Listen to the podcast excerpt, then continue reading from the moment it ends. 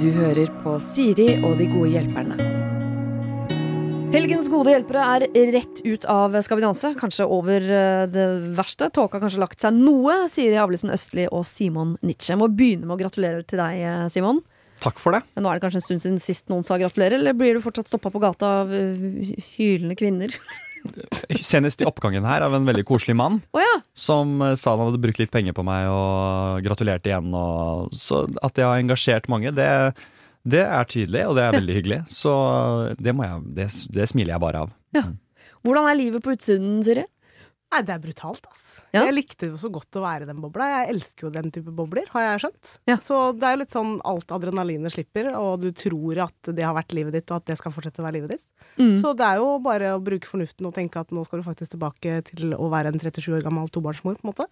Så det, det må jeg lande i. ja, ja.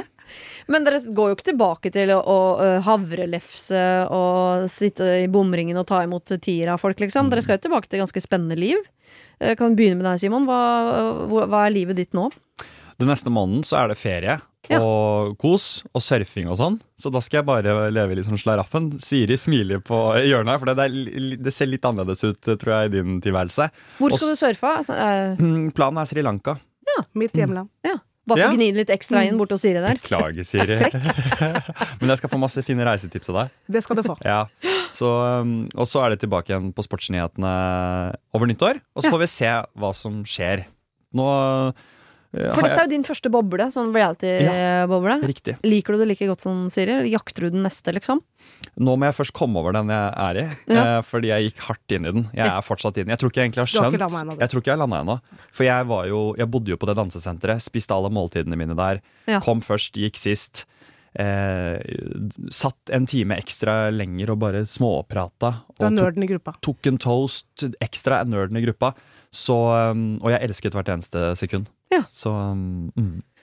Ja, Da kan det hende at du fant den riktigste bobla av alle boblene med en gang. Du traff på første, liksom. det kan virke sånn. Jeg har kost meg som bare det. Så jeg, jeg venter jo på en enorm kjærlighetssorg, for jeg vet med meg selv at når jeg har vært med på noe som er gøy, Ja.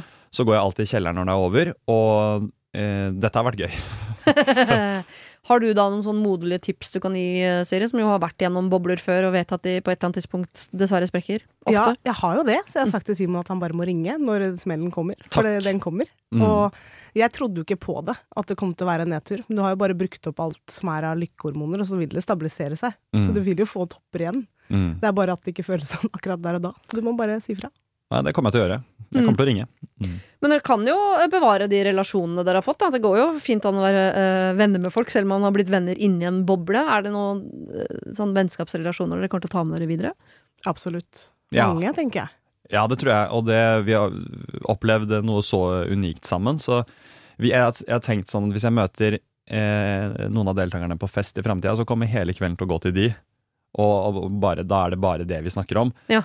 Em, og for min del så tenker jeg at det har vært gøy å ta en kaffe med Vinni, for eksempel. Jeg har blitt veldig glad i han. Syns han er en veldig morsom, for det første, og fin fyr. Mhm. Så, og dansepartneren min også, når vi har fått alt dette litt på avstand. Og Siri har jeg blitt godt kjent med, har ikke kjent deg så godt fra før av, selv om vi er kolleger i TV 2. Så um, det er masse fine relasjoner. Absolutt. Ja, spesielt Tarjei, som du også kjenner, Siri. er Kjempefyr. Men Ja. altså, vi kommer jo til å ses. Men uh, kanskje ikke danse like mye som vi har gjort. Men vi kommer til å ses, helt sikkert. Og Vanskelig å selge inn til familien. Jeg fortsetter å danse, Danse. åtte timer med han fyren på 20, hvis det er greit for deg. ikke sant? Det er en liten ting her jeg har tenkt på, som jeg har lyst til å gjøre framover. Er det greit hvis du henter og leverer unger og lager middag og sånn, så bare stikker jeg og danser fire timer om dagen? Ja, jeg, jeg tenker at det må gå, ja. Det er veldig gøy. Ok, velkommen ut, sånn litt ut av bobla i hvert fall. Ja. Eh, noe av det kan man ta vare på. Tips fra sidelinja her. Eh, det velger man selv. Nå skal dere jo da eh, gi råd til andre mennesker. Ja. Ja, Har dere overskudd og energi til det, liksom? Ja. Ja, elsker å gi råd. ja så bra. Her er det en som spør. Jeg har et problem som har fulgt meg gjennom hele oppveksten og har ført til mange flaue øyeblikk. Når jeg står foran en folkemengde, uavhengig av situasjon, blir jeg helt rød. Ganske rød i ansiktet, særlig på brystet og oppover halsen. Så i alle skoleframføringer, presentasjoner, talesammenhenger, så blir jeg altså helt rød. Og så blir jeg flau. Og da blir jeg enda mer rød. Dette har ført til mye problemer med å stå foran klasse og skole, og studier, og jeg har nå en jobb der jeg med jevne mellomrom holder presentasjoner for teamet mitt. Og jeg bruker mye høyhalsa genser på jobb, og det funker jo greit. Men nylig så holdt jeg tale i en bryllup, og da var det jo pen kjole med åpen hals, og alle ser jo hvor rød jeg blir. Og det er selvfølgelig alltid noen som må komme bort og kommentere etterpå. Nå har jeg blitt spurt om å være toastmaster i et annet bryllup til sommeren, og jeg har allerede begynt å planlegge hva jeg skal ha på meg. Jeg er egentlig ikke så nervøs, men så blir jeg jo nervøs allikevel, da, for jeg vet at jeg kommer til å bli rød. Er det mulig å bli kvitt dette, eller kan dere hjelpe meg med å leve med det og stå i alle mulige situasjoner med den rødflekkede halsen min? Altså jeg vet Det er ingen av dere som har medisinutdannelse og kan svare på om man kan bli kvitt rødming ved hjelp av øh, piller eller sprøyte, men kan man liksom Er det noe man kan gjøre for å ikke rødme eller ikke være så flau eller eie rødheten, eller hva? Altså Akkurat når det gjelder rødhet, så har ikke jeg kjent så mye på det. Eh, fordi jeg, det syns ikke på meg. Men det å bli flau og stå i ubehagelige situasjoner, det gjør vi jo, har vi gjort masse de siste månedene. Det har jeg gjort masse i mitt liv generelt og i karrieren. Jeg syns jo det er flaut å stå foran folk. Ja. Helt forferdelig. Så jeg sier jo bare nei til alle sånne typer roller. Så jeg syns jo dette er en veldig tøff person, da. Ja. Som tar på seg den type sånn toastmaster-oppgaver og sånn, Mm. til tross for. Mm. Det er veldig bra. Det tenker jeg er en god start. At du bare gjør det selv om du syns det er ubehagelig. Så vil det jo bli Du blir jo litt mer vaska av det på sikt. Ja, det er så rart, for det virker som her er det en som til tross for mye rødming allikevel stadig byr seg ut uh, på ting hvor hun vet at her blir det rødming, Mm. og så gjør hun det allikevel. Og skulle tro at det blir bedre, men Mm. det har ikke blitt det så langt. Det er mengdetrening, liksom. Jeg tror jeg har et veldig eh, konkret tips her, og det er å bare stole på at de menneskene som si, sitter og ser på, de eh, liker at en person eh, At det betyr noe for den personen. At det er lov å være litt flau. Det er egentlig litt fint å stå og, og ikke være liksom den mest selvsikre hele tiden. Og at bare stole på at alle heier på deg som hører på, enten det er i et bryllup eller om det er på skolen. Eller eh, at det er liksom lov å bare være litt eh, rød og flau. Helt greit. Jeg tror Mm. hvis man bare øh, klarer å tenke at det egentlig bare fremstår litt sånn sympatisk og sånn, så at det kanskje blir litt lettere å stå der, og ikke hele tiden bare henge seg opp i det at man nå, nå kjenner jeg at jeg rødmer igjen over halsen og sånne ting. For jeg tror egentlig bare folk syns det er litt fint, og i bunn og grunn tøft at noen tar ordet. Mhm. Øh, så hvis man klarer å tenke det, jeg skjønner at det er vanskelig, da. Men mener du at man skal påpeke det også? At man på en måte plinger på glasset, reiser seg og sier sånn Nå kommer jeg til å bli rød, for det jeg, gjør jeg. jeg tror man kan si det. Åh, nå kjenner, hvis man prøver liksom, åh, nå kjenner jeg at jeg blir litt rød igjen, og så Ja. ler alle litt av det, så fikk du inn en liten vits, og så bare fortsetter du. Ta brodden av det. Jeg tror det. Jeg tror ikke det er det så dumt. Og kanskje faktisk også adressere det noen ganger. Ja, eie sin egen rødfarge. Jeg tror det. For jeg tipper jo nå at grunnen til at hun nå blir rød, er jo ikke fordi hun gruer seg til det hun skal gjøre, hun gruer seg til å bli rød, og så er det derfor hun blir rød. Ja. Så hvis hun slutter, klarer å liksom slutte å grue seg til å bli rød i tillegg, så kanskje det også forsvinner? Jeg tror, jeg, tror, jeg tror det liksom er løsningen, fordi det høres ut som en som eh, vennekretsen rundt ser har et, eh, et talent og en fin ro, og som til stadig får oppgaver av å snakke. da. Så det er oppi hennes hode at hun driver og kjenner på den eh, rødheten. Hvis hun Ja. klarer å liksom bare kanskje adressere det, eie det, at det vil bli lettere for henne, og alle er fornøyde. Ja, for da blir det bare en greie som man legger vekk, og så går videre. Jeg Ja, så gå videre. Ja. Det er jo liksom det kan, Ja, det er ikke det Det er jo fint at noen på en måte kjenner at eh, Å, det står en person der som har litt den ydmykheten og ikke bare durer på. Så kan man bruke til sin fordel, tenker jeg. Men tror du hun slipper spørsmålene etterpå også da? For det virker som hun er litt sånn lei av og irritert når folk kommer til sånn Ja, jeg så du ble rød! Ja, det skjønner jeg at man blir irritert for. Ja. At hvis man sier 'jeg har allerede sagt det' Jeg bare frykter at eh, hun kommer til å få mer av det ved å adressere det. Så kommer det ikke bare bort én, men to-tre som har lyst til å snakke om den opplevelsen dere har hatt sammen. Ved at du blir rød. Ja. Ja. Så akkurat den delen tror jeg ikke man blir kvitt. Nei. Men det er kanskje bare å ha en eller annen kommentar på lager der òg. Ja, jeg tror kanskje at uh, humor her er uh, å ufarliggjøre det overfor seg selv og omgivelsene. Ja. eh, er veien å gå, altså. Og, og klare å le litt, eh, le litt av det. Det er ikke farlig, tenker jeg. Det tenker jeg også. Og da blir det kanskje lettere og mentalt. Det er helt, helt lov, og veldig mange som rødmer litt Ja. og, av å snakke. Det er urettferdig og Jeg vil bare poengtere det du sa, Siri, at det er veldig tøft av henne at til tross for at hun rødmer, så gjør hun dette. Det krever jo litt ekstra. Ja. Man vet at nå skal jeg opp der, stå for noen folk, Mm. prate, jeg kommer til å bli rød. Og allikevel så gjør man det. Mm. Og man gjør det så bra at man blir bedt om å gjøre det igjen. Ikke sant? Det er det jeg tenker. Det tenker jeg òg. Det er det hun må ta, ta med seg. Hun blir faktisk spurt flere ganger. Det, er, det hun gjør, er bra. Og da er det det er ikke- mer enn bra nok. Ikke sant? Og da er ikke den rødmingen egentlig et problem for folk. Det er ikke støy. Jeg tenker at uh, det kan være fint, og hun må få lov til det. Og så håper jeg bare hun liksom klarer å tenke at uh, Shit, folk uh, hører på meg og ser ikke nødvendigvis at jeg blir rød. Og det Mm. håper jeg virkelig hun klarer å tenke framover. Fordi det høres ut som hun må takke ja til den toastmasterjobben. Enig? Ja. Helt enig. Og så har jeg lyst til å legge til også at ikke, eh, ikke kokettere med flauheten din. Fordi når du står der og du åpenbart er god på det du gjør, så er det ikke alltid at folk tror på at du er nervøs. Hvis du snakker for mye om at du er nervøs, så kan det bli litt sånn Nei, men du står, jeg ser at du står der, dette Så adresser rødheten, men ikke liksom gjør det opp til sånn Å, ja, dette er det verste jeg vet, og jeg blir så flau, dette er så grusomt. Sånn, Helt sånn, enig. Ja, men da, hvis det er så forferdelig for deg, så slutt, da. Du Helt må jo ikke drive med dette her. Ja. Så adresser rødheten, ei den, og ta det med humor. Tror det er en fin måte, altså. Vi Ja. konkluderer der. Ok. La oss gå rett på sak, står det her. Oi, Mine lyttere kjenner meg nå, så de vet at jeg liker det veldig godt. Jeg er en student på 20 år og startet i høst på et studie med en god distanse hjemmefra. Jeg vil si at jeg har et ganske nært forhold til familien min, og etter å ha gått et år på folkehøyskole langt hjemmefra, er det tydelig at foreldrene mine ønsker meg hjem ofte. Problemet er at jeg selv med budsjett eh, er en fattig student som mange andre. Reising er dyrt og sluker mesteparten av pengene jeg setter av til mat og, og evenementer sammen med venner. Foreldrene mine har sagt at de kan betale litt av reisen min, siden det først og fremst er de som spør om jeg kan komme hjem. Jeg opplever flere ganger at dette løftet ikke blir overholdt, og at det er noe jeg hater. Eh, og er det noe jeg hater å gjøre, så er det å spørre folk om penger. Jeg har ikke lyst til at foreldrene mine skal oppleve at jeg maser på dem om dette, men nå har jeg snart ikke råd til Toro-suppe engang. Og jeg elsker familien min, og jeg er alltid glad for en mulighet til å være sammen med dem, men hvordan skal jeg konfrontere dem om dette? Kall meg Pil. På forhånd, tusen takk. Eh, altså hun eh, Foreldrene hennes har sagt at vi betaler, kom hjem, og så kommer hun hjem, og så bare betaler de ikke. Ja, den er tung. Ja. Fordi da blir du en elefant i det rommet, da. Hvis du sitter der og ikke har råd til Toro-suppe, så kan det bli litt bittert. Så jeg, det her må vi bare ta opp, tenker jeg. På et eller annet uh, vis. Men hvordan? Det kommer litt an på åssen personlighetstype foreldrene er. Med mine foreldre så ville jeg bare sagt det rett ut, eller sendt et Vipps-krav, på en måte. Du ville det? Ja, Ja. Spenstig. Da har de bare glemt det, tenker jeg, og så står jeg i det. Men uh, Ja, Vipps-kravene har jo gjort de, de konfliktsky en stor tjeneste. Ja. Det kan vi bare takke de for. Det er livets rundkjøring, altså. Det er veldig, veldig deilig. Jeg tror ikke det er, det er egentlig et ganske godt tips. Bare et sånt Vipps-krav. et rolig Vipps-krav der fra sida. Ja. For det er jo, vi er jo enige om dette. Altså, det er jo det som har har blitt det blitt lovet. kommunisert på forhånd også, det kan at det bare koker bort hos foreldrene. Det Det er er så hyggelig at hun er der at det, man, man glemmer det litt, hvem som egentlig tok den togturen. Eller Mm. siden du ikke sier noe, at de kanskje også tenker at da står det ikke så dårlig til økonomisk. Ja. Man kan eh, eventuelt eh, Jeg liker alltid å på en måte gi de konfliktsky en mulighet til å slippe å ta tak i ting. Det er jo det de fleste er på jakt etter. Eh, kan jo ved neste sånn Nå nærmer det seg jo jul. Og Jeg tipper at foreldrene kommer til å ymte frampå at det hadde vært hyggelig å ses i jula, og si sånn nei, det har jeg ikke råd til. Så ja, men det betaler jo vi. Jeg hører dere sier det, men det, det sa dere sist òg. Mm. Står på gjennomføringsevnen der, ja. Ja. Mm. ja. Det går jo an. Eller da må jeg ha pengene på forskudd, for jeg har ikke råd til å legge ut engang. Mm.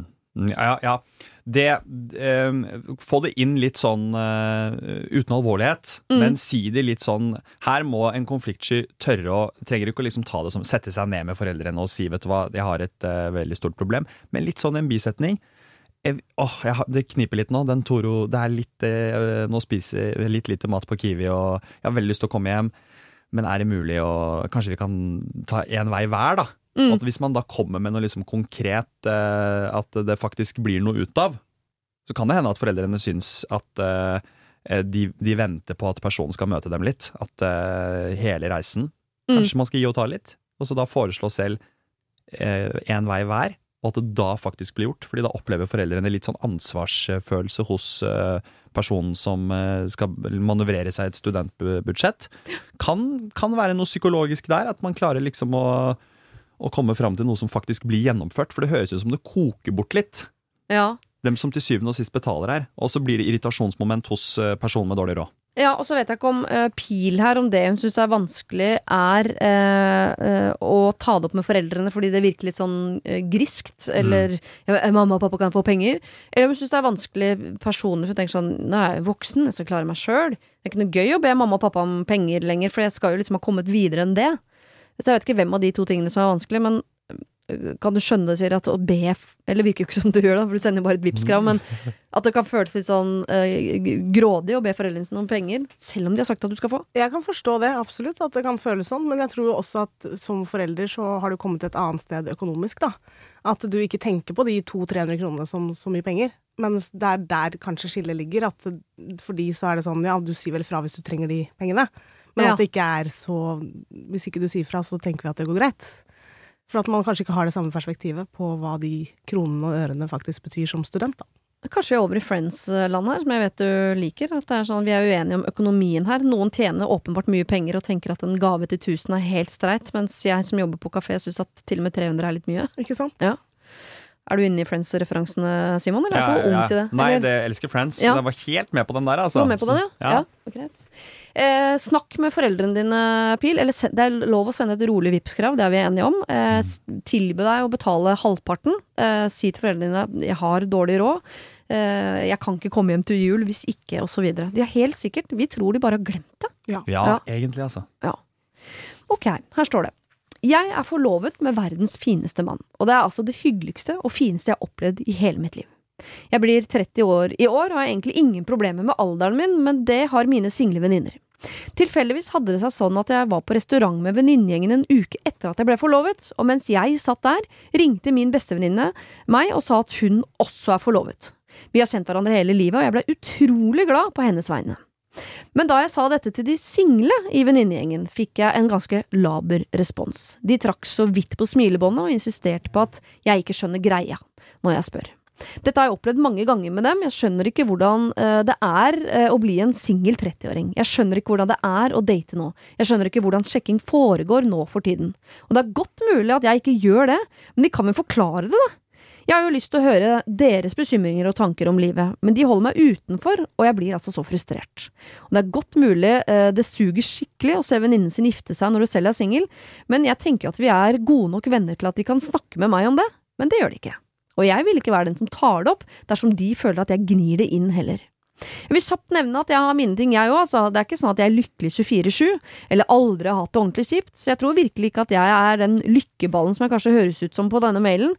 Men kan dere hjelpe meg med å nå inn til venninnene mine? Jeg vil jo bare at vi skal kunne snakke om alt, både de vonde tingene, men også de fine.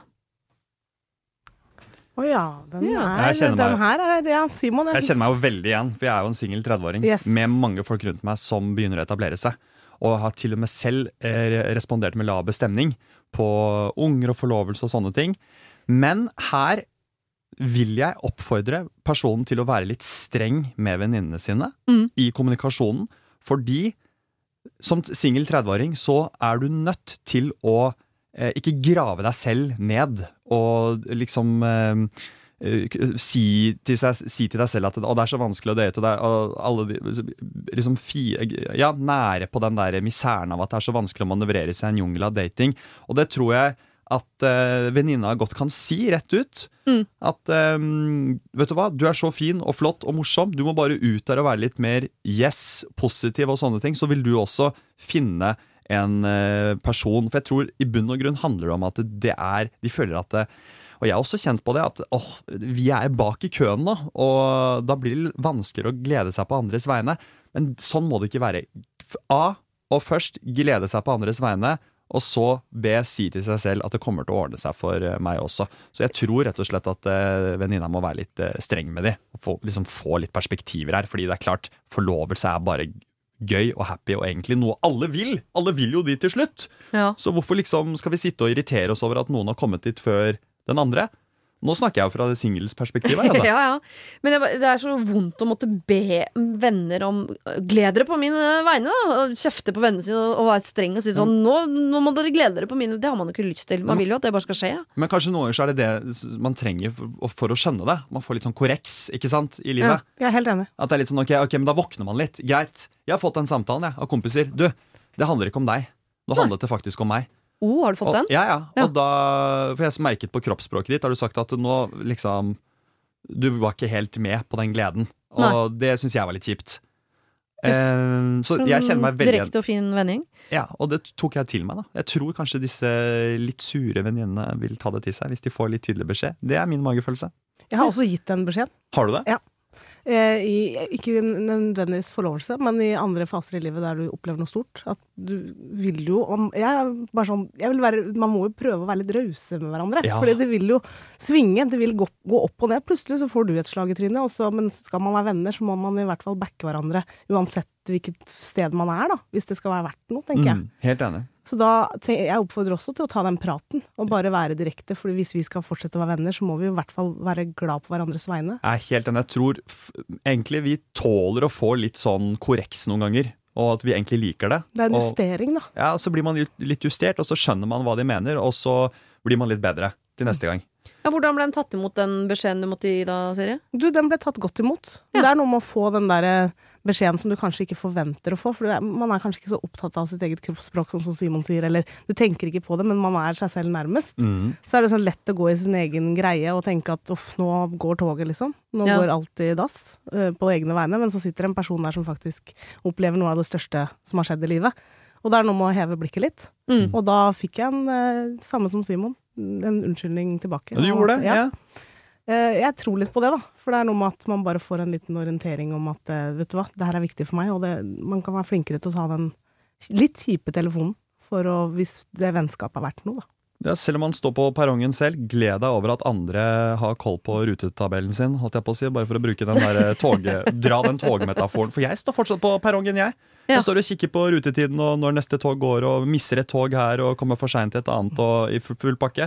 Men jeg har fortsatt eh, overskudd, eh, liker jeg å tro, til å glede meg over de som faktisk eh, finner kupeen sin. Men det, det er jo alltid noen av vennene dine som har noe som du vil ha, tenker jeg, på en eller annen, et eller annet nivå. Ja. Så må man jo bare, skal vi være venner, så må vi være såpass greie med hverandre, for hvis ikke så blir det her et ganske kjedelig vennskap. Ja, for du tenker det at Grunnen til at de ikke gleder seg over disse nyhetene, er at de i bunn og grunn er misunnelige på at hun på en måte ligger foran dem i løypa. Og kjenner stresset. Mm. Ja, og Det kan jo hende at de også Det høres ut som du veit ikke hvordan det er, og du skjønner ikke greia. Og at de på en måte Det kan jo hende at de koser seg i sin singelboble, at de faktisk syns det er forlovelse- og bleieskiftefasen hun er på vei over i, bare er dritkjedelig. Og så er også frykten for å miste en venninne, da.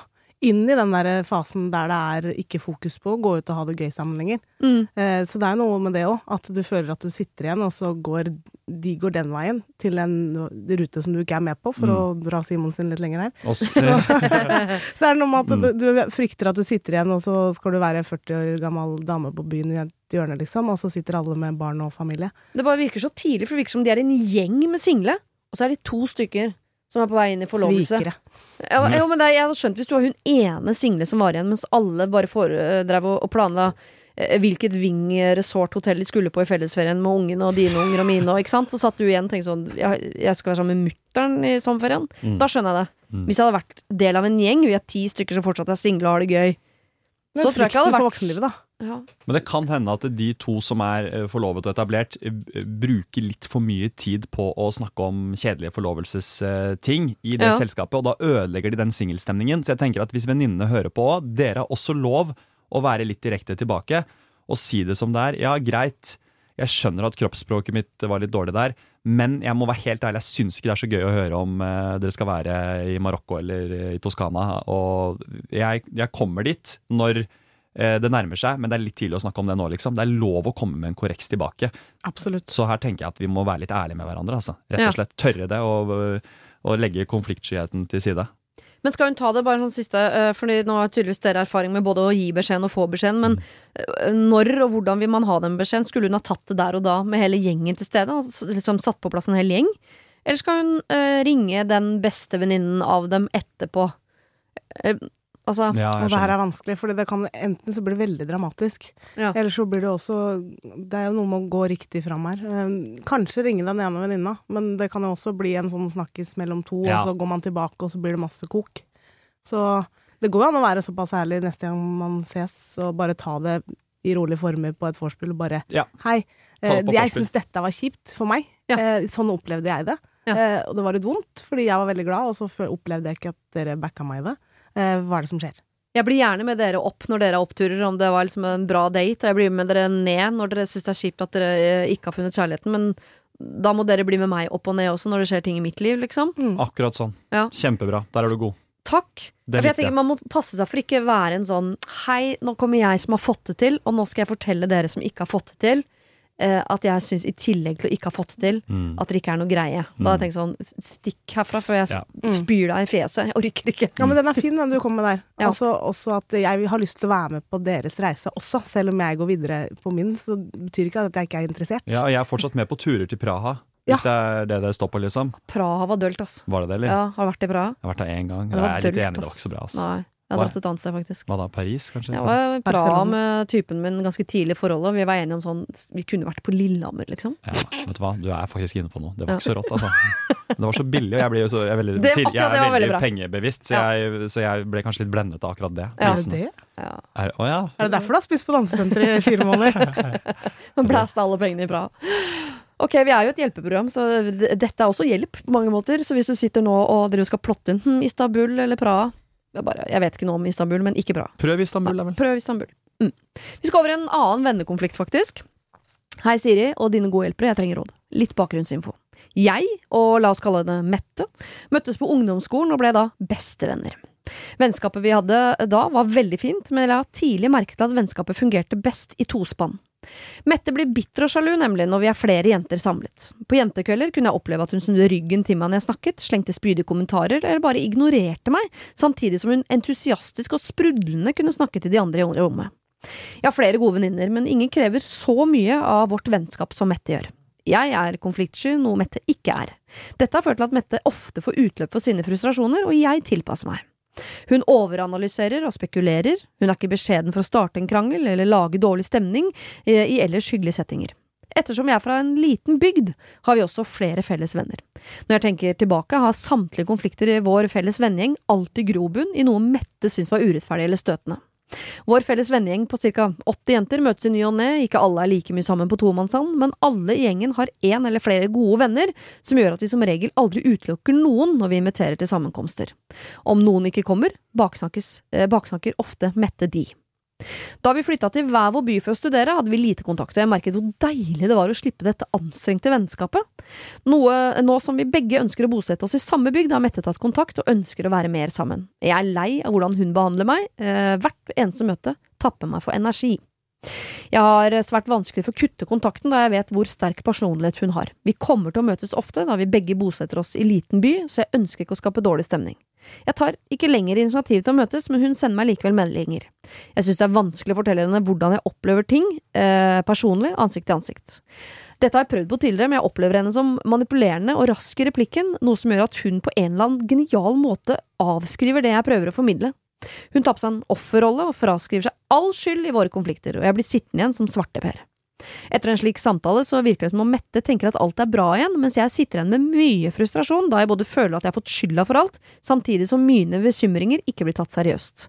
Så hva, hvordan skal jeg gå fram her? Hilsen konfliktjente som håper på svar. Ouch. Ouch.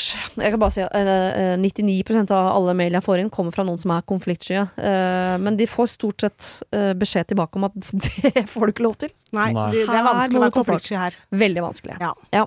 Fordi det her høres ut som et veldig slitsomt En slitsom relasjon å stå i. Ja. Ja. Eh, og når det er manipulering og føler seg dårlig og tapper for energi, det er jo, høres ikke ut som noe du bør gå inn i igjen. Og igjen faktisk konfrontere, da. Og si at det er sånn jeg har det. Så jeg har veldig lyst til å ha en god relasjon til deg, men jeg kan ikke ha deg for tett på. Nei, ja, jeg blir også stusse stuss over dette. For jeg tenker sånn, Her høres det ut som du bare skal liksom ta sakte og smyge deg tilbake. For dette er ikke en konfrontasjon man vil inn i når man vet på forhånd at man taper uansett. Mm. Så kanskje du bare skulle liksom Ghoste. smyge deg ut og ghoste. Ja. Men det er vanskelig på et lite sted. Det hadde vært litt Akkurat deilig en gang for alle at hun som er vant til å vinne enhver diskusjon, ikke vant. Mm. Men da må man jo gjøre et skikkelig forarbeid. Ja, og sette seg ned og liksom planlegge manuset sitt, og så e- ende opp med å stå i dusjen og etterpå tenke at ah, det var det jeg skulle sagt. Og det Mm. unner jeg ikke akkurat innsender her heller, for det høres ut som de har vokst litt fra hverandre. I hvert fall én opplever det. Eh, Jeg tenker Mette i små doser. Ja. Jeg tenker av, trappe ned Mette, men være sammen med, med Mette. Ja, for det høres ikke ut som en du vil ha som fiende heller, i all den tid det virker som de må omgås i noen vennegjenger. Mm. Tenk hvis de får barn samtidig handler, havner i samme Havner i FAU sammen. Altså, skjønner du? Det er det som er problemet. At man må skape en avstand Skape en avstand som er levelig, da. Mm. Eh, At man kan møtes på butikken og si hei, at det kan være greit, og så er på samme utested og kan omgås uten å bli uvenner. Men jeg tror også at Mette vil bli veldig overraska hvis hun blir konfrontert. Fordi hun har aldri sett den siden av innsenderen, da. Ja. Som faktisk tar den konfrontasjonen. Kanskje Mm. du får en respekt tilbake. Ved at du faktisk, som Simon sier, planlegger det godt. Vet hva du skal si. Hun har jo åpenbart tenkt mye på det her. Mm. Og har argumentene sine ramsa opp. Så det er noe med å fortelle hva du faktisk har stått i og gått gjennom.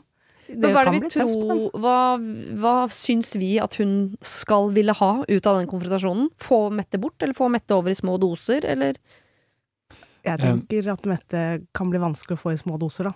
At, Ja, du tenker det, ja. ja, at det kanskje ikke vil fungere uansett, for det vil bare bli mer og mer. Um, Jeg, ja. ja, jeg tenker at hvis, hvis innsender her eh, ønsker eh, Det er noe med Mette her eh, som hun trenger i livet sitt når Mette er på sitt beste og sitt minst manipulerende, så er det eksempler på noen sånne vennskap som har gått litt i stampe, og så kommer det et sånn skikkelig oppgjør der man setter seg ned og bare forteller fra innerst hjerte hvordan man har følt det de siste åra. Så kommer man ut av det sterkere begge to, og bedre venner enn noensinne. Så det Mm. kan være et alternativ her. Men da må innsender bestemme seg for om eh, Mette er den personen hun ønsker eh, å ha med seg videre som en av sine nærmeste, eller om det eh, er en ungdomsskolerelasjon som de har vokst litt fra hverandre, rett og slett. Mm. Så jeg tror at det å holde det i på på møter her og der, eh, og så eh, hele tiden fortelle Mette at eh, du, jeg kan ikke eh, i kveld fordi jeg skal noe annet, og sånn er det litt, eh, liksom. Så vil Mette etter hvert til slutt skjønne at eh, vi er, vi er litt på forskjellige steder akkurat nå. Så eh, et sånt stort oppgjør kan bli veldig eh, nært eh, etterpå, eh, når begge åpner seg, men da må, da må innsender ville det, tenker jeg. ja, for hvis hun ikke vil ha Mette i livet sitt, Egentlig, ja. så blir det jo For det virker ikke som hun egentlig har noe valg på når man er i samme vennegjeng. Så Mette skal være der, så du må liksom ta med inn i konfrontasjonen at dette er et menneske jeg kommer til å ha noe med å gjøre.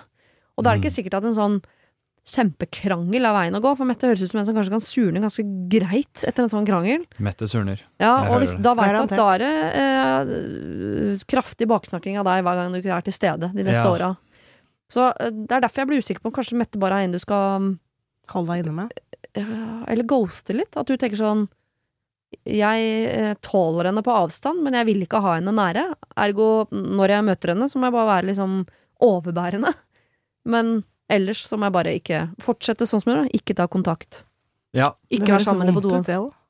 Ja. Siri, du Du er, så, du, er, du er tilhenger av å stå i det og ta ting i med rot, ass. Jeg hører det på deg. Og jeg, og jeg, ja, du er det, og det er du god på. Og det er, vi trenger en sånn rådgiver som deg også.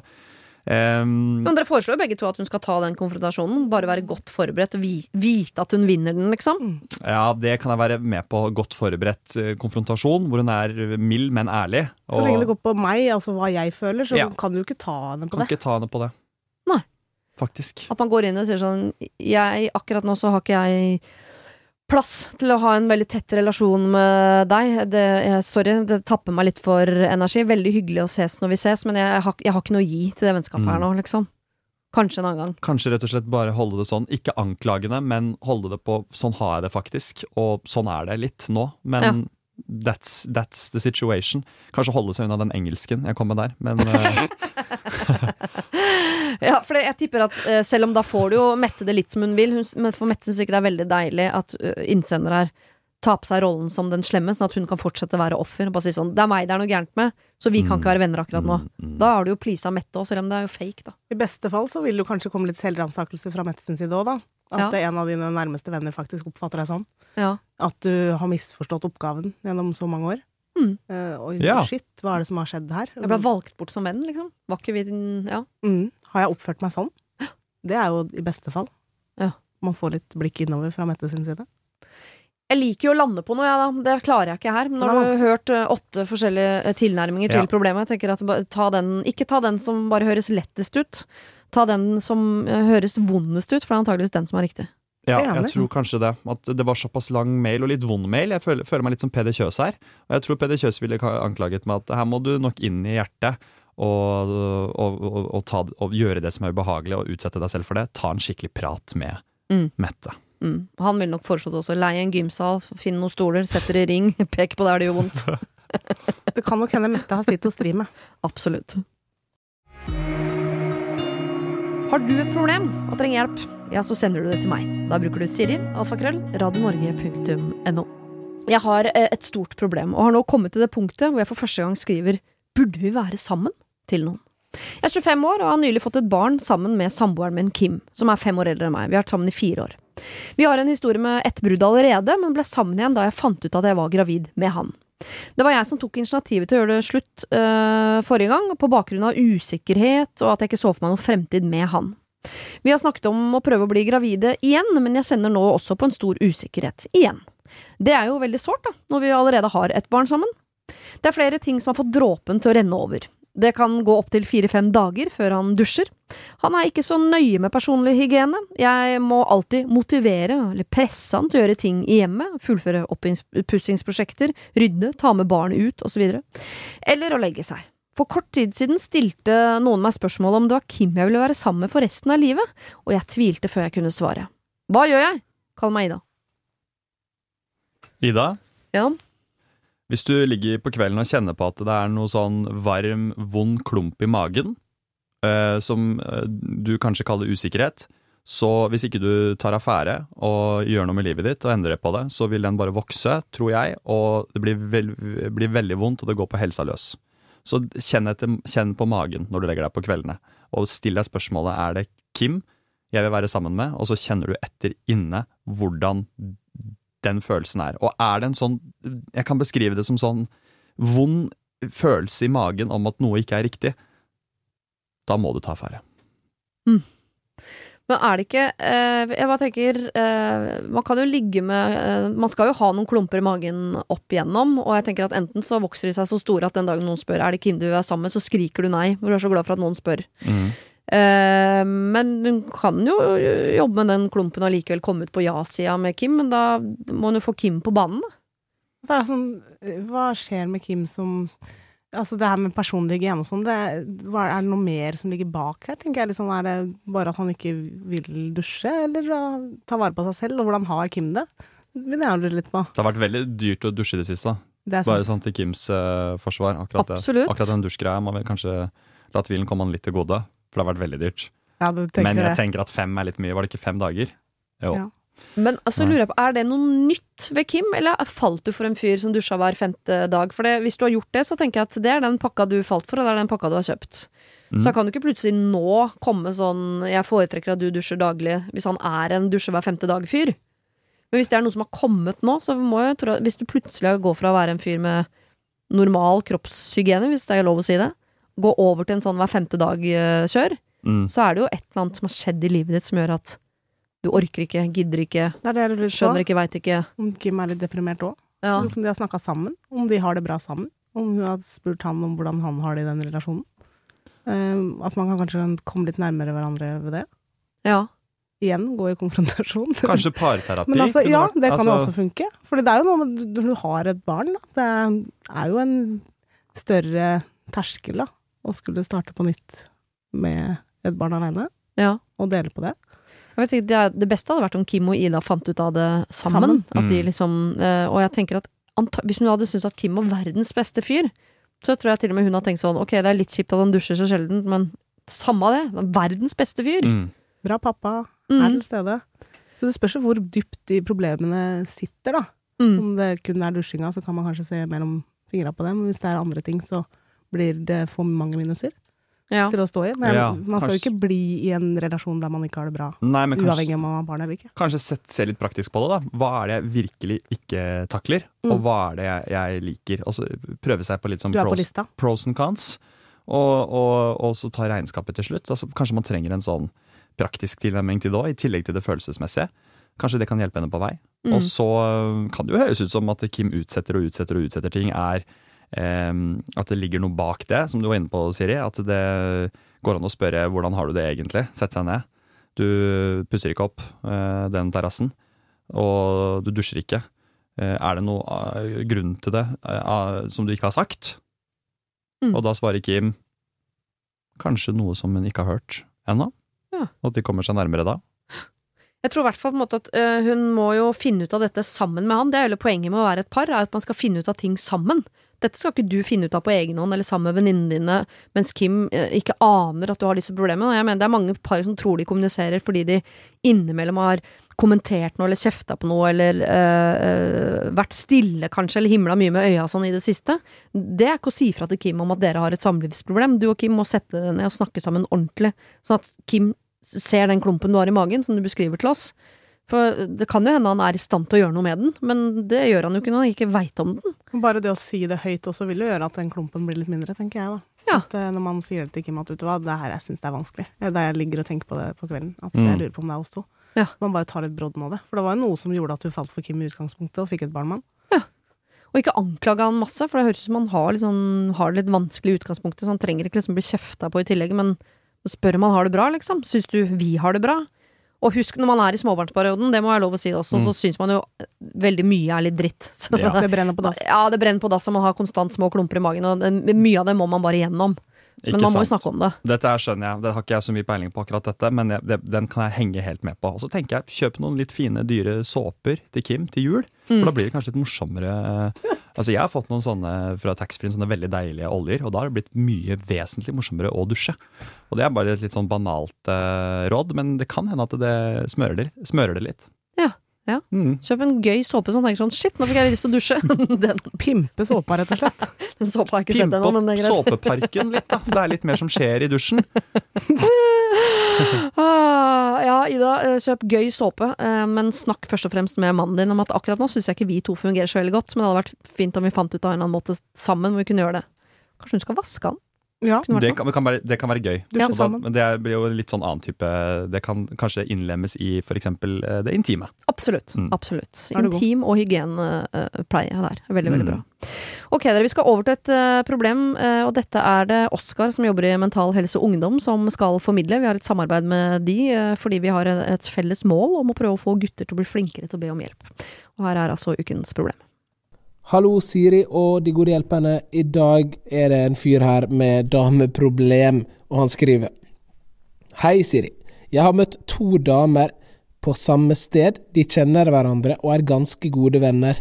Etter det har jeg møtt dem igjen, og det har utviklet seg til et seksuelt forhold med dem begge. Jeg vet at jeg ikke vil mer med noen av dem, men det tror jeg at de vil. Hvordan kan man på en hyggelig måte si ifra? Hvordan forholder man seg til å treffe dem igjen profesjonelt, og da kanskje over flere dager? Jeg skjønner ikke hvorfor han skal treffe de profesjonelt, men uh, jobber er jobb. dager? Jobber de sammen i Det kan være eller? at de Ja. jobber sammen. Surra seg greit inn der, ja. Og så skjønte jeg ikke heller om han ligger han med de én og én, eller ligger han med de samlet? Antar én og én, men jeg vet ikke. Jeg føler litt at de spiller ballen over til Simon Nietzsche. Ja, og jeg har et helt konkret råd her. Eh, ikke fordi jeg har stått i situasjonen selv, eh, men jeg har stått i en situasjon selv der hvor eh, det har, eh, man har eh, vært med en person og så har eh, ligget sammen, og så har det ikke helt vært avklart hva det er. Og da tenker jeg neste gang du er med den personen eh, Først finne ut hvem du, eh, du han, vil ikke ha, han ville ikke ha noen av dem? Var det Ingen sånn det var? Nei. Nei, vi bare ligger. Men han har fått følelsen av at eh, eh, begge ville ha han. Mm. Ta en date med begge to, og spør Hver for seg. Hver for seg, Ja, ja. ja, bare vær tydelig. Og si før det liksom eskalerer og at det blir ligging og sånn, si hva tenker du om dette? Hva vil du? Hva føler du? Er dette casual for deg, eller er dette Vil du mer, eh, liksom? Og for faen, da hadde jeg følt meg lurt. Hvorfor De vil jo mer. Jo, hvis, han allerede, hvis jeg hadde bedt Jeg tipper at de her har ikke data engang. De bare møtes klokka tre, og så ligger de ja, med hverandre. Men hvis, jeg hadde, hvis han da hadde bedt meg på date, og så lagt ballen over hos meg og spurt hva føler du, så hadde jeg tenkt sånn Dette er starten på at vi har blitt sammen, samtalen. Ja, men sånn en kaffe, en kaffe da. De har jo, han skylder jo Eller ring. Han Ja. skylder de en samtale, en, en, en SMS. Han skylder de nå en samtale. Han må plukke opp røret eller møte de og bare sånn som du, hva, hva tenker du om det vi har gjort, og hva vil du videre?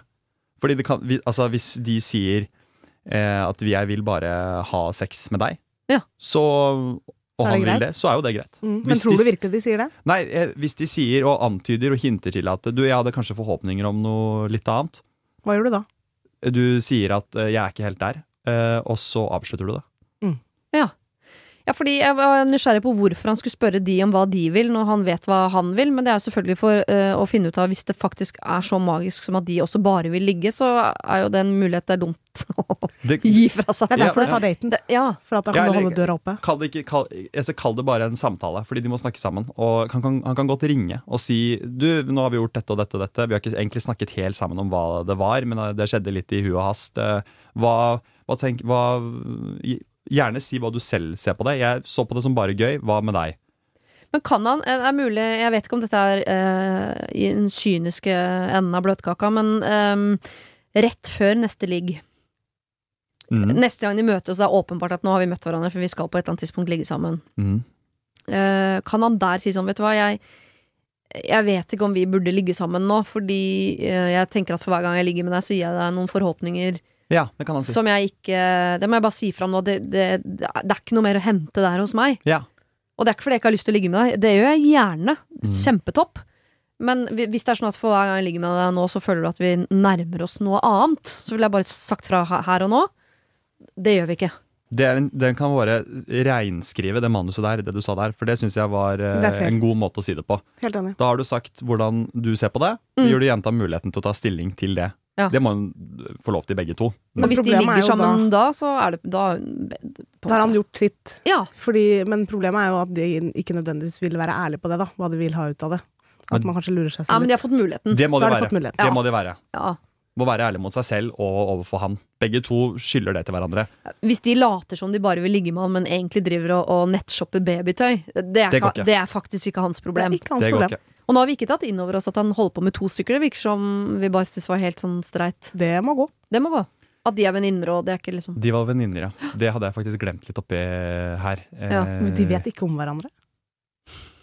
Det vil jeg ikke tro. Jeg kan ikke komme på øh, steder på planeten hvor det er liksom greit. Nei. Spørsmålet er jo om hva? er kolleger Ja. i tillegg her, altså. Ja. Han har jo nå egentlig senset og fått hint om at de kanskje uh, er litt mer betatt enn han. De er venninner. Jeg ville tatt to telefoner. Mhm. En til, altså, til de to. Og, og avsluttet det, og samtidig eh, sagt at jeg har merket eh, på deg at, eh, at du, du kanskje Eller ja, sagt det som du sa, Siri. Jeg, jeg er der i løypa. Hvor er du i løypa? Men også vært ærlig på at jeg har vært med venninna di.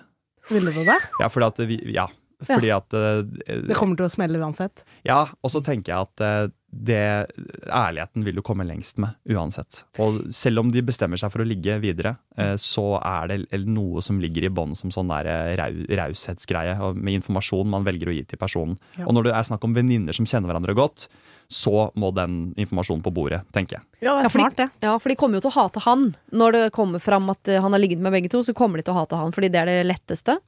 Eh, Men det hadde vært fint, og det er ikke så farlig, tenker jeg, det må du bare eh, liksom stå i. Men det hadde vært fint om de to slapp å hate hverandre, og det er jo bare han som kan redde deres vennskap, egentlig. Ja, Og uansett hvor casual den sexen blir med begge to, så vil ingen av dem likt å liksom vært visst om hverandre. Og det tenker jeg at eh, det skylder du faktisk å fortelle dem, at eh, det er en del av pakka også. Og så vil jo de begge to antageligvis stikke, da. Ja. Det vil de nok. Og det må Også- du være fine med. Og hvis de er kolleger, så er det desto smartere å si at jeg har ligget med venninna di. For da tar du egentlig brodden av mye hat som kan spres i alle retninger på arbeidsplassen. Ikke sant? Sånne ting òg. Nå begynner man å tenke lenger. lenger. Det er bra. Mm, snakk om å ligge seg inn i et hjørne. Fy Ja, fy fader, det hjørnet her var så trangt, det. Det Ja. er brutalt. Uff, han har ødelagt uh, fire potensielle forhold, på en måte. Et Ja, vennskap og to Og forhold. arbeidsplass, ja, ja, han har ødelagt en hel by med kølla si. Det er jo kjempeslemt. Ok, ikke gjør det, da. Det her må du uh, Her er det ikke lov å si 'jeg er konfliktsky'. Uh, Du kan ikke heise hvite flagget opp opp. på toppen av tissen din. Her må du ut og prate. Og, eget ligg. Ja, ja, ja. Plukke opp røret. Ja. Plukk opp røret. Ok, her står det. Kjære Siri og dine gode hjelpere. Jeg har en veldig god venninne som jeg ble kjent med i studietiden. Vi har begge flyttet til en ny by for å studere og blitt her i byen, og vi er hverandres eldste venner her i byen. Vi har kunnet eh, henge helt og avslappa og fint, og vi har kunnet reise ut sammen, ha fine samtaler, og vi er veldig nære. Men så i det siste så har hun begynt å trekke seg unna. Vi er ikke like mye sammen som før. Vi snakker ikke om de viktige tingene, og jeg opplever at det er jeg som må ta kontakt for å planlegge og møtes. Før har det vært 50-50, og det fører til at jeg blir veldig usikker, da. Jeg har i det siste gått gjennom en psykisk påkjenning, og er ikke helt vært like mye til stede som før, og skulle gjerne ønske at jeg var helt frisk og kunne være i godt humør hver gang vi er sammen. Men vi er voksne mennesker, og livet er ikke solskinn hver dag. Vi trenger jo samtaler som er fine og gode, og ikke alltid bare øh, positive undertoner, øh, og det har vi fått til før. Men nå opplever jeg at hun forsvinner, og jeg har lyst til å tale opp med henne, men jeg er veldig redd for å skremme henne bort. Jeg vet ikke hvor jeg skal starte. Hvordan høres samtalen ut? Du er viktig for meg, men er jeg egentlig så viktig for deg? Og kan jeg spørre venninnen min om hun trekker seg unna med vilje? Altså Her er vi på andre siden av det problemet vi hadde i Ja. stad. At Her er det en som har et eller annet hun antageligvis irriterer seg over ved deg. Mm. Eller så har vi med en venninne å gjøre som, eh, som ikke har Det handler ikke om deg, hun bare har nok med seg og sitt nå. Mm. Hvordan Ja, hvordan finner man ut av det? Man må jo ta praten. Ja. Ja, rett og slett. For det er jo kjempesårt for den som har sendt det inn, og lurer på om det er noe gærent med meg. Og så kan det faktisk være noe som skjer hos den andre personen. Men hvis det er noe gærent eh, som har skjedd i den relasjonen mellom de, eller at hun har tråkka på tær, eller at det har blitt for mye av det ene eller andre, så er det bedre å få vite det. For da kan man justere seg. Mm. Og så tenker jeg at eh, hvis det er et eller annet, at det har vært for mye av det på den ene siden eller den andre siden, så kan man jo også si at men jeg har hatt det vondt i den perioden her. Jeg har trengt at du har lytta til meg, men vi kan også ha det gøy. Vi kan også finne på andre ting, hvis det er det du trenger. At Ja. man møtes på et sted, da. Mm. Ja, for det kan jo hende her at venninnen hennes har prøvd seg på en klassisk eh, utfade eller ghosting av vennskapet, og så feiler jo den taktikken når du konfronterer henne med at du faktisk vil ha svar. Eh, men da må man jo være forberedt på at man får noen Kan få svar man ikke vil ha, da. Mm.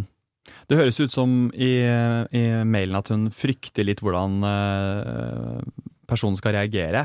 Og jeg Mm. tenker at ofte når man forbereder seg på litt sånne vanskelige samtaler, så undervurderer man eh, hvor forståelsesfull motparten faktisk ender opp med å bli. Da. At man frykter reaksjoner som til syvende og sist ikke kommer.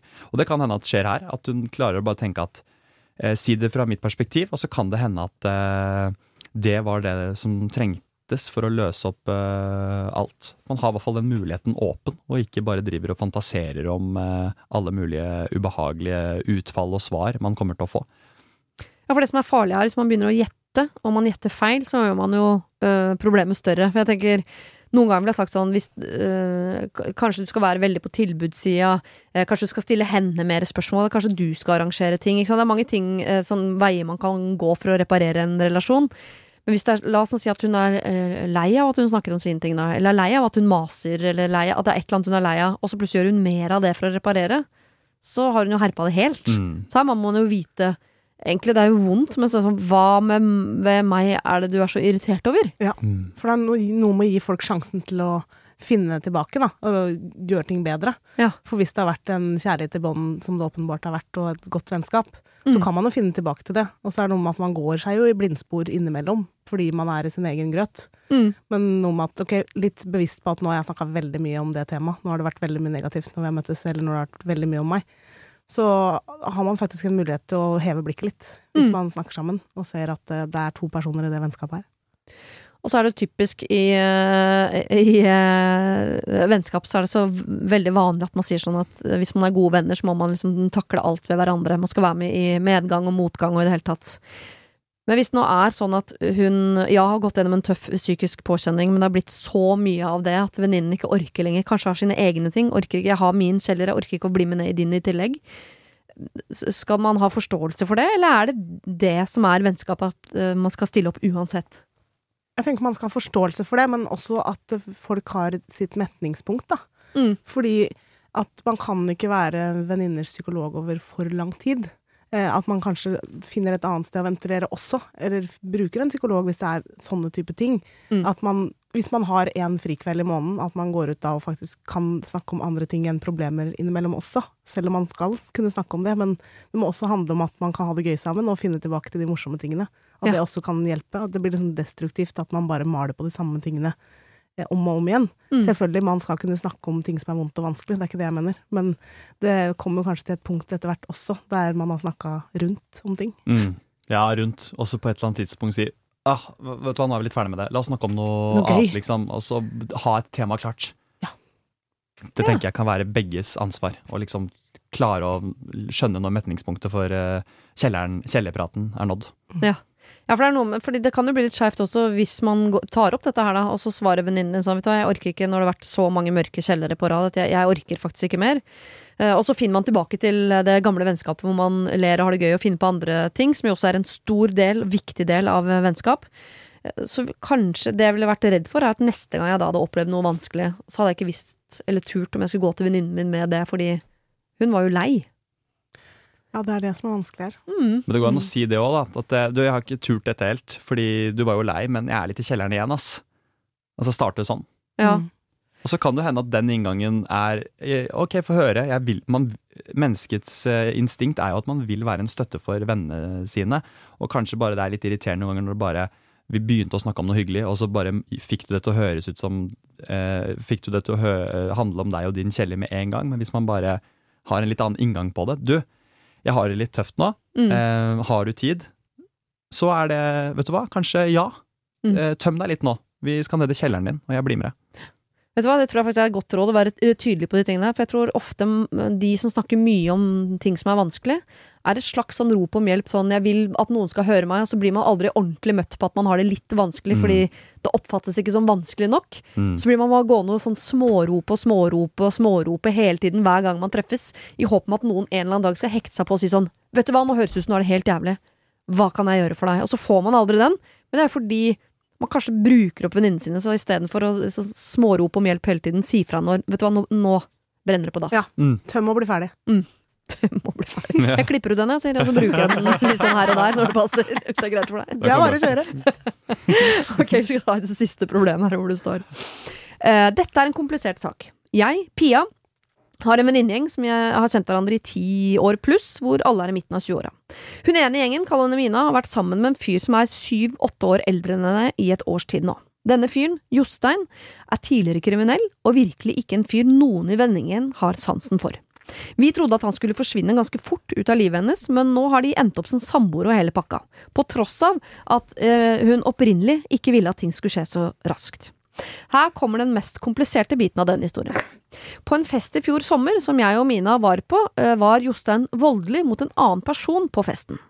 Før denne handlingen tok sted, eh, behandlet generelt Jostein Mina som dritt på festen. Det var kontinuerlig krangling, hvor Mina i hovedsak gråt hele kvelden.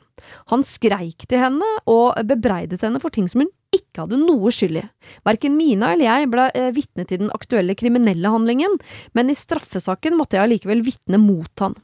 Noe jeg tross alt ikke kunne eh, gjøre noe med. Mina slapp å vitne fordi hun ikke husker noe, da hun stort sett var dritings. På grunn av denne kriminelle, kriminelle hendelsen og Josteins fortid, hadde vennegjengen virkelig håpet at den fyren her skulle havne bak lås og slå, og så, eh, bare for et par, eh, om så bare for et par måneder. Da tenkte nemlig vi at Mina ville innse at hun klarer seg fint på egen hånd og har det bedre uten Jostein i livet sitt, for det hører med til historien at Mina er veldig dårlig på å være alene.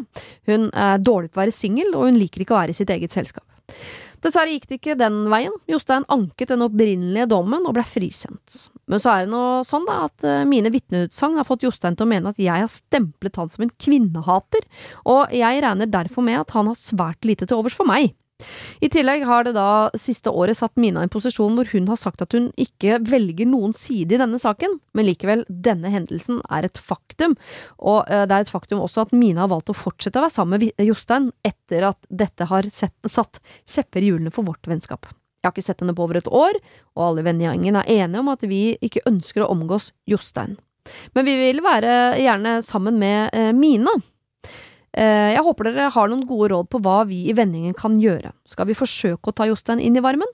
La han være med på fest, selv om vi verken vil eller syns vi burde? Hvordan skal vi legge frykten for at han skal utagere med oss eh, til stede til siden? Eller har dere noen tips til hvordan vi kan få Mina eh, til å ikke være sammen med Jostein lenger? Skjønner du? Altså, her, er- jeg måtte hoppe over en Det er en veldig lang, ja. uh, vanskelig mail, men Mm. de har en god venninne som er sammen med en voldelig fyr. Mm, rett og slett. Mm. Og uh, det som er vanskelig her, sånn jeg ser det, er at uh, kjærligheten Mm. eh, er udiskutabel, antagelig her mellom Mina og Jostein, og den er veldig vanskelig å få Mina ut av det, eh, fordi hun er eh, glad i han, Mm. og alle fortjener en eh, sjanse til og sånne ting. Jeg synes det er helt rett av venninnene å holde Jostein på avstand. De må ikke ta han inn i varmen, tenker jeg, fordi eh, det er nulltoleranse for vold i min verden, Mhm. uansett. Eh, og så eh, syns jeg heller ikke det er riktig å fortelle Mina hvem hun skal elske. Nei. Så um, der tenker jeg at eh, det er såpass vanskelig at hvis Mina eh, vil leve i den og velge den siden, så må hun det. Da mister hun det andre. Mm. Og hvis det kommer en dag der eh, Mina og Jostein er over, eller har slå, han har slått henne, eller noe sånt noe, Mm. så tenker jeg at da ville jeg som venninne vært der 100% Men ikke før. Ja, for Hvis det hadde stått noe om at han var voldelig mot henne, da er saken helt annerledes. Men jeg tenker, alle har jo en eller annen kompis som har slåss i fylla uten at vi tenker at han er verdens verste fyr. Så øh, øh, De også har jo koner og barn og i det hele tatt, men har havna i en eller annen slåsskamp på fylla. Det tenker Jeg bare Jeg syns jo det er litt sånn voldsom svartmaling av, av Jostein, bare fordi det er greit at han er en sånn yrkeskriminell fyr som dro rundt og banka folk på fritida, men at han Mm. havna i en slåsskamp i fylla en gang, syns jo det er helt dumt at det skal definere han sånn for bestandig. Hva Mm. hvis de gifter seg? Skal de ikke møte opp da, eller? Ja, for det er jo sånn Spørsmålet er jo i hvilken grad man skal henge sammen, da. Altså hvis man skal ha Mina i livet sitt, så vil jo han være en naturlig del av det. Og man får jo ikke styrt den kjærligheten uansett. Og så det å prøve å få hun vekk fra han, det har jeg ikke noe trua på. Nei. Em, for det må bare gå sin gang. Og så Men hvis det skjærer seg, veldig fint sånn som Simon sier, da må dere være der. Ja. 100 Mm. Og det det. kan jo skje. Det kan skje. Og så må de venninnene få lov til å ha eh, Jostein i doser. Ja, Som men vi snakket om alle disse dosene. At mm -hmm. uh, han er ikke med på alle fester. kanskje fordi- han er med på andre ting, da. Han trenger kanskje ikke å være på steder der det er alkohol, hvis det er det Ja. som er eh, triggeren. Uh, At man kan gjøre andre ting sammen. Man Mm. kan, Godt råd. Ja, gå på kafé, eller gå Jeg vet ikke hva slags livs... Ja, det er midten av 20-åra. Mm. Grille. Er det mer Grilling, liksom. grilling. Gin tonic enn kaffe latte på den gjengen der, Faktisk. tror jeg. Det vil jeg tro. Ja. Men å finne på noe annet, kanskje. En Gå på fotballkamp. på- Ja, Som for eksempel. Men det, er- det er ikke, jeg prøver ikke å liksom, øh, dra Jostein så innmari inn i varmen her, men øh, han høres ut som en vanskelig type. Jeg skjønner det.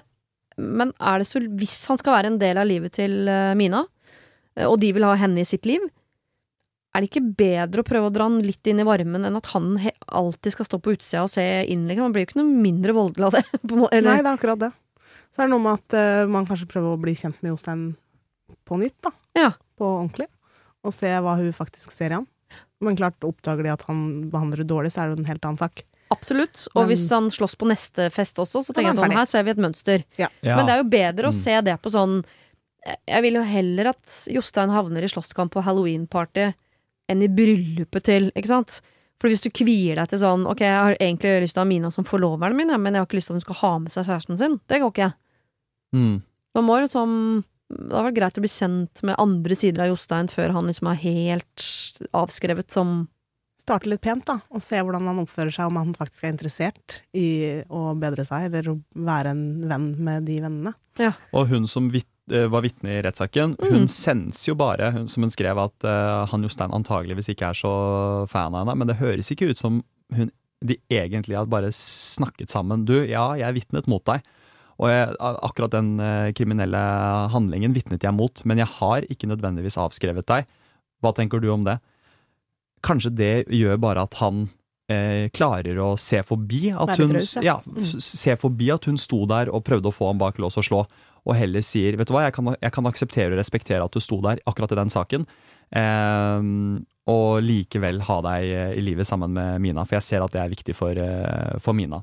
Mm. Igjen kan hende at Jostein klarer å skille sak fra, fra følelser, hvis de bare tar en litt, sånn, litt sånt ærlig oppgjør om akkurat eh, det som skjedde. For den er vanskelig, akkurat den rettssaken som kommer på toppen der, altså. Det kan jo hende Jostein forstår det også. Ja, det er det jeg tenker. Ikke- Hun hadde jo ikke noe valg. Sånn, eh, det, er, det er ikke jeg som har dratt deg inn i en rettssal, den er det du som har slåss deg inn i, og så har politiet pålagt meg å komme og vitne, og det gjorde jeg. Så eh, jeg skjønner at den er litt sånn vanskelig, akkurat den, men det burde de snakke om. Men nå har du jo ikke snakket med Mina på et år, da. Hvordan Og Så de har jo mm, mista Mina litt, på en måte. mm. Trekker seg unna, syns det er vanskelig. Så Det er kanskje begynne med å snakke med Mina, da. Ja, hvis jeg hadde hatt en vennegjeng som syntes at min mann var helt forferdelig, så hadde jeg jo øh, Jeg hadde jo valgt min mann foran alle mine venner hver eneste gang. Uh, så Det har gått et år, men de tenker fortsatt på det, og tenker fortsatt på Mina, og skriver den mailen og ber om råd. Jeg tenker at vet du hva, ting kan bli som før igjen på fem minutter. Og hvis de kjenner at det er noe som mangler nå, vi, vi må ha henne i livet vårt igjen, og det, er- det er noe uoppgjort her, så er det samme om det har gått en uke eller et år, ta kontakt. Helt klart. Men da kan det hende de må tåle at Jostein er med på slep innimellom. Det kan hende at de rett og slett må tåle. Og da er det jo kult hvis de venninnene er the bigger man, men samtidig også har en eh, eh, hva skal jeg si, en, eh, en, gi han en siste sjanse. Og altså, blir det slåssing igjen, da er det et mønster. Da er det vanskeligere å svelge, tenker jeg. Men tilgivelse, den er jeg tilhenger for. Men kommer Jostein til å ha lyst til å være sammen med de, da? Jeg tenker at de bør strekke ut en hånd litt til de som par. Ja. Ja. Og vise at eh, ok, vi er villige til å gå videre, men da må vi jo bli kjent med Jostein. Og da mm, er en del av pakka med å bli kjent, er jo å snakke om det som skjedde, den rettssaken, Snakk om det. vi, Mm. videre. Liksom, hva ser vi? Jeg, jeg tenker at det må være lov å se Jostein i øya og si sånn Det syns vi var ubehagelig. Mm. Er, du en, kom, er du en sånn fyr som kommer til å slåss på alle fester? Det må være lov å spørre om. Ja. Og jeg tenker jo Jostein Så svarer han ja på det, vil jeg tro. Han gjør nok ikke det. Ja, det tror jeg. Skal ikke utelukke det. Men det er noe med at eh, Jostein syns jo sikkert heller ikke at det er gøy å se at Mina er lei seg, for hun savner jo helt sikkert vennene sine. Det tror jeg òg. Mm. Og så hadde jeg vært bekymra for Mina hvis jeg ikke hadde sett henne på et år. Visste at hun var sammen med en fyr som er kapabel til å slåss. Selv om det er vel alle i en eller annen gitt situasjon, men jeg tror jeg ville hatt Mina nærmere meg. Mm, ja, jeg ser Mm, den. Mm. Jeg ser den. Um, den, er, den er kompleks, altså. Den er vanskelig. Men jeg tror at uh, jeg er enig med dere der, altså. altså prøv også å få uh, dette sammen igjen, og at det, det høres ut som alle må være med på laget da. Jostein og venninna og den der vonde elefanten i rommet, den rettssaken, må snakkes om. Mm.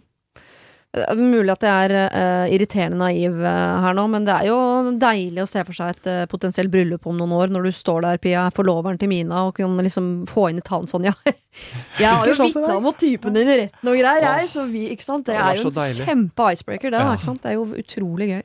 Ja, Kan det, brukes til mye, den der. Altså.